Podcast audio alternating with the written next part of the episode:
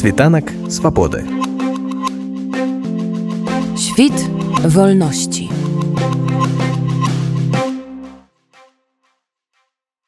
Цэнтр крэатыўнасці ў варшаўскім раёне прага. Цягам двух дзён тут можна было сустрэць усіх мастакоў музыкаў рэжысёраў акцёраў менеджераў кінематаграфістаў журналістаў выдаўцоў падзея аб'яднала больш за дзве сотні людзей якім цікава абмеркаваць паслухаць выказацца і зразумець чым сёння жыве беларуская культура ў эміграцыі. Першыя вынікі наўрад ці. Арганізатарка падзеі галіна казіміроўская кажа што на асэнсаванні таго што адбылося трэба час. Таму пакуль што першыя эмоцыі. Працэс працэс мне падабаецца мне здаецца што даволі шмат людзей і мне падабаецца што людзі з абсалютна розных напрамку мастацтва людзей з розных куткоў Европы сам здесь беларусі ну, мне здаецца што ёсць такая добрая энергія такая здольнасць і запатрабаванне ў дыалогі людзі ахвотна на гэта ідуць мне здаецца што і, важныя пытанні прагаворваюцца важныя тэмы абмяркоўваюцца мне здаецца нават што тое што часта мы на кухні абмярковаем вот мы сёння нейкім чынам вынеслі сюды і паслухаць ну мне вельмі цікава слухаць разумных і людзей якіх не паважаю вось іх адказы на тыя пытанні якія часам мы задаем сабе ў сваіх асяроддзях то бок тебе часам адчуваю як арганізатар як удзельнік быць просто творцы на гэтым мерапрыемстве. Я б хацела тут прысутнічаць калі мне паклікалі Я думаю што вось это такой мой адказ кангрэс распачаўся дыскусіямі на тэмы тэарэтычныя і практычныя. Размаўлялі напрыклад пра магчымасці і шляхі ўзаемадзеяння еўрапейскіх і беларускіх культурных арганізацый можна было атрымаць лайфхакі як напрыклад ствараць працы якія могуць быць цікавымі не толькі беларусам або адказаць сабе на пытанне дзе шукаць фінансавую падтрымку беларускіх праектаў А вось адкрыла кангрэс дыскусія экскурс пра мінулае і сучаснасць культурнай беларускай эміграцыі мадэратаркай размовы стала старшыня беларускага пэна татяна не адбай па-першае я вельмі усцешаная што гэта кангрэс гэтая сустрэча наогул беларусаў у варшаве адбываецца дзеюча культура арганізацыя культуры тому что мы ўжо все тры гады як рассыпаныя па розных гарадах па розных краінах і нам вельмі не хапае гэтай камунікацыі нам вельмі не хапае просто банальна бачыцца адзін з адным. Тое што раней адбывалася на нейкіх пляцоўках у мінску і іншых гарадах беларусі. Канешне падымаюцца розныя складаныя праблемы некаторыя з іх знаходзяць вырашэнне некаторыя толькі абазначаюцца і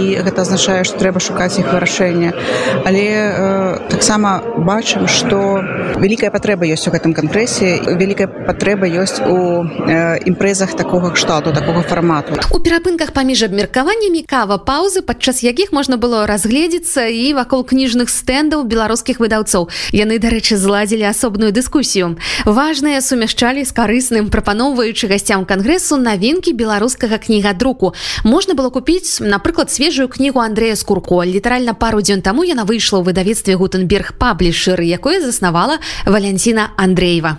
Поеду ў кракаў умацаваўшыся у сваёй у сваім цвёрдым перакананні што адна справа гэта разважаць пра культуру разважаць пра літаратуру але не трэба забываць і пра жыццё пра радасць ад самой дзейнасці ад самого чытання кніжак стварэння кніжак і радасці быцця скажем так і стварэння пазітыўнага нечага нашай літаратуры нашай культуры ў беларус беларускай сферы увогуле і не заўжды ставіцца да нашай сітуацыі по-моему трэба як да праблемы можна яшчэ ставіцца як да магчымасці як да цікавых абставінаў якія нас вось тут сабралі і што мы можам цікавага ўбачыць што мы можам яркага разам зрабіць вы сёння будетеце удзельнічаць у дыскусіі разам са сваімі калегамі выдаўцамі калі паміж выдавецтвамі і існуе канкурэнцыя то за каго яна за пісьменнікаў за, за, за чытачоў на чым яна палягае калі яна ёсць канешне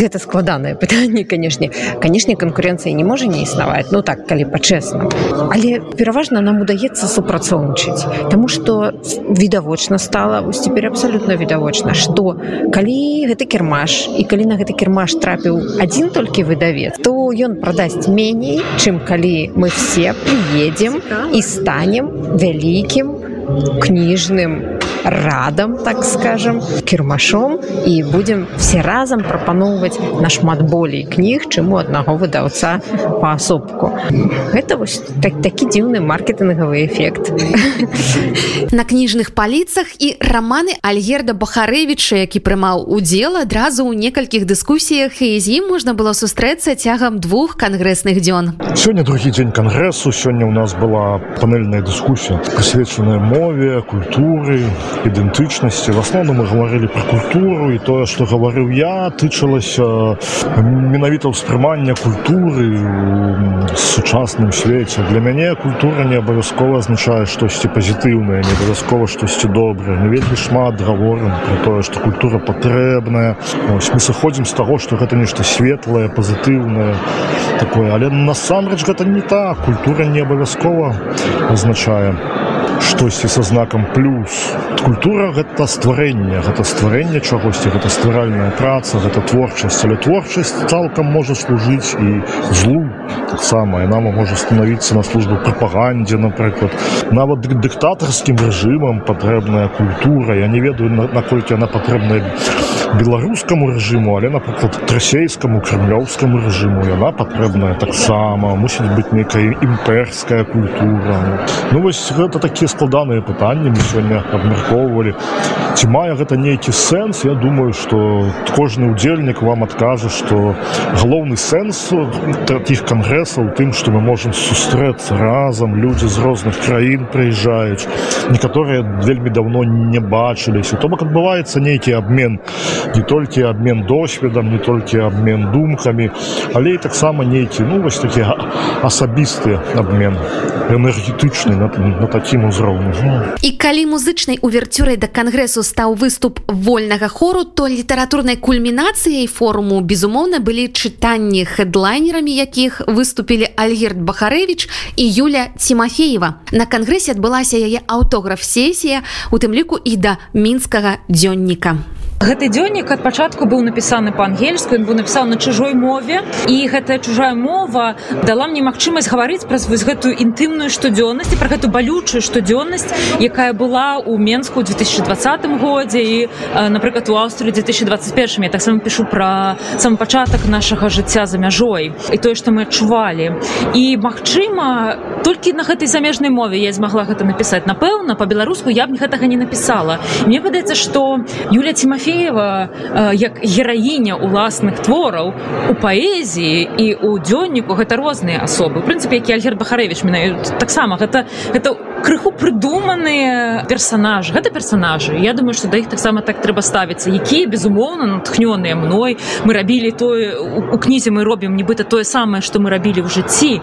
Але все роўна гэта прайшло праз прызму замежнай мовы затым праз прызму перакладу на беларускую мову. Я нейкі у нейкай ступені не перапісвала таксама гэты дзённік перастварала яго на беларускую мову прыбіраючы пэўныя моманты каб не зашкодзіць людзям у беларусі рэдагавала яго. Это, это, это все-таки гэта розныя я розных формах. Асобны дзякуй арганізатарам за дыскусію прысвечаную беларускаму традыцыйнаму мастацтву. Там абмяркоўвалі пытанні захавання выкладання і папулярызацыі беларускага аўтэнтычнага музычнага фальклору.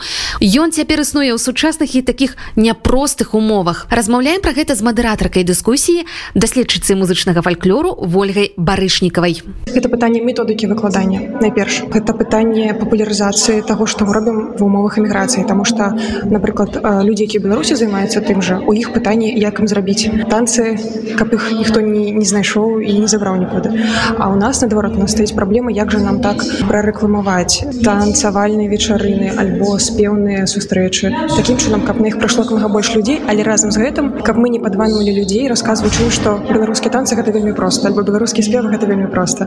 І гэта не патрабуе нічога акрамя жадання і вось пытанне пошуку баланса паміж якасцю якасцю з боку нас як выкладчыку і якасцю таго што мы робім як мы вучым як мы гэта ўсё несем людям і паміж тым каб не адпугнуць людзей і ўсё ж такі традыцыйная культура як з'ява суудзелу як з'ява якая закранае кожнага чалавека яна не накладала нейкія абмежаванні. То бок каб не было такого что ага это штосьці такое складанае элітарнае таму мы не будзем туды хадзіць вось это пытанне которое на мою думку зараз напэўна найбольш вострае. І агулам я скажу что гэта наколькі мне вядома першая спроба увогуле аб'яднаць выкладчыкаў традыцыйных спеваў танцаў Таму што мы працуем усе разрознена, кожны сам сабе і адпаведна таму у нас такія вынікі. Дыскусіі, абмеркаванні, кінапаказы, прэзентацыі, аўтограф сесіі і самае галоўнае сустрэчы з мастакамі, куратарамі, музыкамі, выдаўцамі, экспертамі, менеджерамі і такое адзінадушнае. Першы кангрэс беларускай культуры ў эміграцыі не толькі атрымаўся, Ён мусіць працягвацца. Світанак свабоды. Świt wolności.